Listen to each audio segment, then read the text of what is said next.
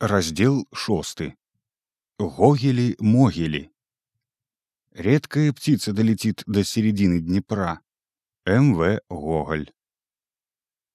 Дабрачынны зэлік адразу прыстроіў яго ў шавецкай майстэрні халупніка пана халяўскага на чабатарскай вуліцы.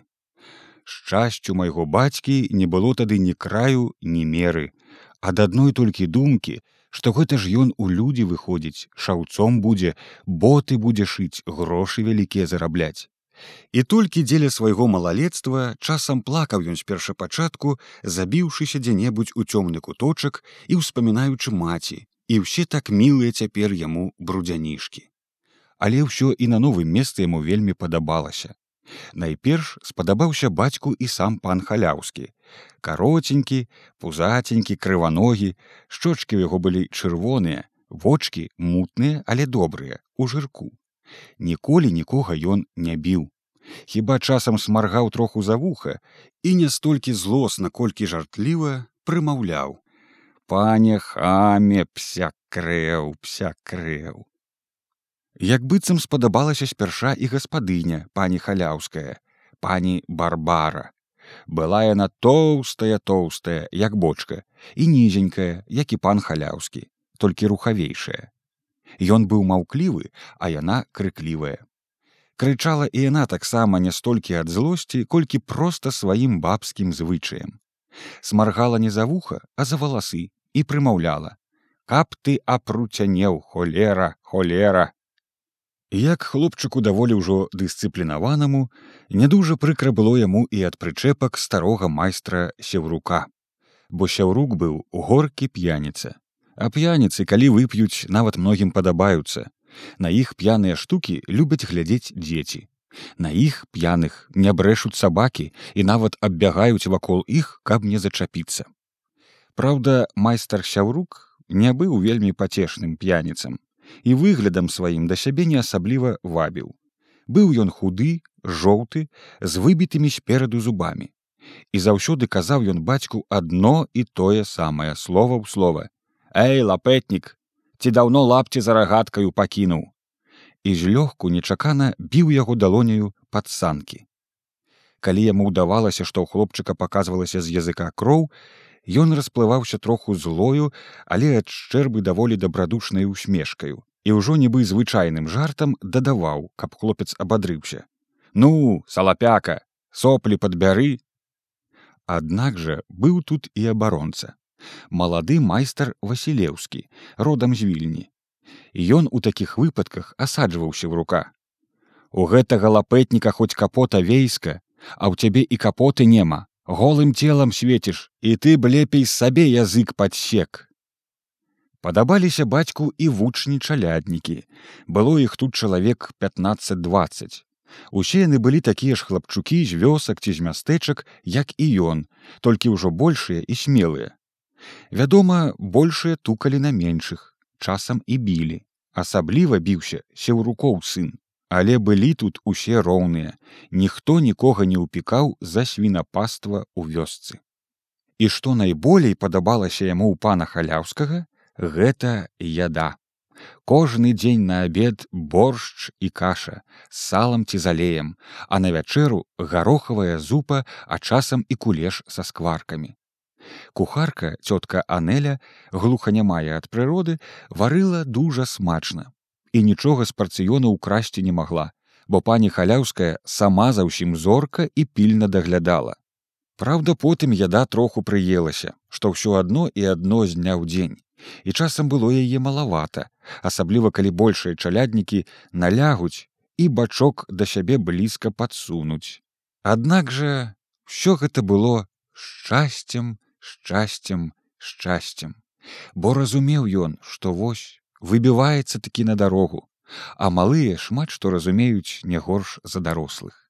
Цётка Анеля, добрая жанчына, яго жалела, ласкава мычэла на яго, а той давала скарыначку ад свае порцыі.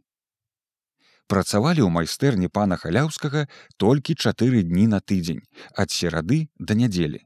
Ну затое ж і працавалі, сядзелі ў суткі гадзін па 18 Некаторыя далікатнейшыя засыналі за работаю і валіліся за столікаў сонныя на падлогу на смех усім. На іх лілі вадою. У нядзелю пан халяўскі ці пані барбара з кім-небудзь шчаляднікаў сабе ў дапамогу вазілі зроблены заказ у вільню і шукалі там новых заказаў. Пакуль яны там шукалі, дык у панядзелак і ў аўторак амаль што не было работы. Ці была якая-небудзь невялічкая выпадковая работа. І вось тры дні, пачынаючы з нядзелі, у чаляднікаў было шмат вольнага часу. Не ведалі, куды дзецца, чым заняцца. Хто большы ішоў выпіваць а хто меншы гуляў як трапіцца. Найбольш гулялі ў карты на нарах. Адкрыта гулялі на шчаўкі а схаваўшыся ад пані барбары на грошы. І мой бацька навчыўся гуляць у карты. Але каму які інтэрас быў з ім гуляць калі ў яго не было грошай ні капейкі а даваць яму адны пстрычкі паносяць і шчаўкі ў лоб кожнаму абрыдла тады малады майстар васілеўскі наўчыў яго чытаць па-польску і прывозіў яму з вільні, калі ездзіў да брата ў госці кніжкі ў польскай мове. Бацька мой патроху вельмі ў чытанне ўеўся, ужо і кніжак яму не хапала, вязі і вязі, і па-руску навчыўся чытаць лепей. Рускія кніжачкі Васілеўскі купляў яму па капейцы па дзве па тры. На жаль, пані барбара чытання вельмі не любіла. Што ты, пісарам хочаш быць ці ксяндзом? крычала яна часта на бацьку а ў злосці вырывала ў яго кніжку з рук швіргала на падлогу і прымаўляла каб ты апруцянеў холера холера аднойчы даў васілеўскі бацьку рускую кніжачку і сказаў на чытай гэта гогаля надта смешна напісана спадабаўся бацьку гогаль незвычайна чытаў не мог адарвацца а на другі дзень вярнулася пані барбара з вільні а злая як ведьма упусціла нейкі добры заказ. Убачыла, што ён чытае, падышла, выхапіла, паглядзела руская кніжка. Ты што чытаеш? грозна спыталася яна. Гогаля, надта смешна напісана. Вінавата паўтарыў бацька словы Васілеўскага. Гогеляў могіляў у маёй майстэрні чытаць. Смехі цябе надта разбіраюць. Раптам зараўла яна, як свіння, калі яе кепска рэжуць схапіла яго за валасы прыгнула і пачала люта калашмаціць нават самы добры кот калі хто нечакана смаргане яго за хвост агрызнецца і самы ласкавы сабака калі хто раптам наступіць яму на лапу аскаліць зубы у бацькі ж майго апрача таго было шмат розных прадпасылак у мінулым каб пры раптоўнасці нападу не ўтрымацца і ён паддаўшыся інстынкту джыгануў пані барбару з зубамі залытку з усяе сілы. Заверашчэла яна каротка, але такім высокім і тоненькім тоненькім не сваім голасам, што нават пан халяўскі выскачыў свайго пакоя, незвычайна спалоханы, хоць зазвычай ніколі не звяртаў увагі на яе крыкі.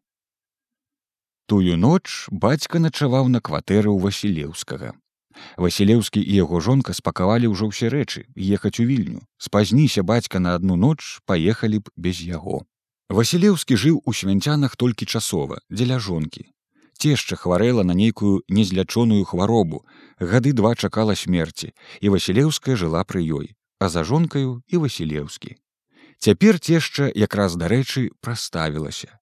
Васілеўскі з радасцю кінуў халяўскага і свянцяны, і вось узяў з сабою і майго бацьку у вільню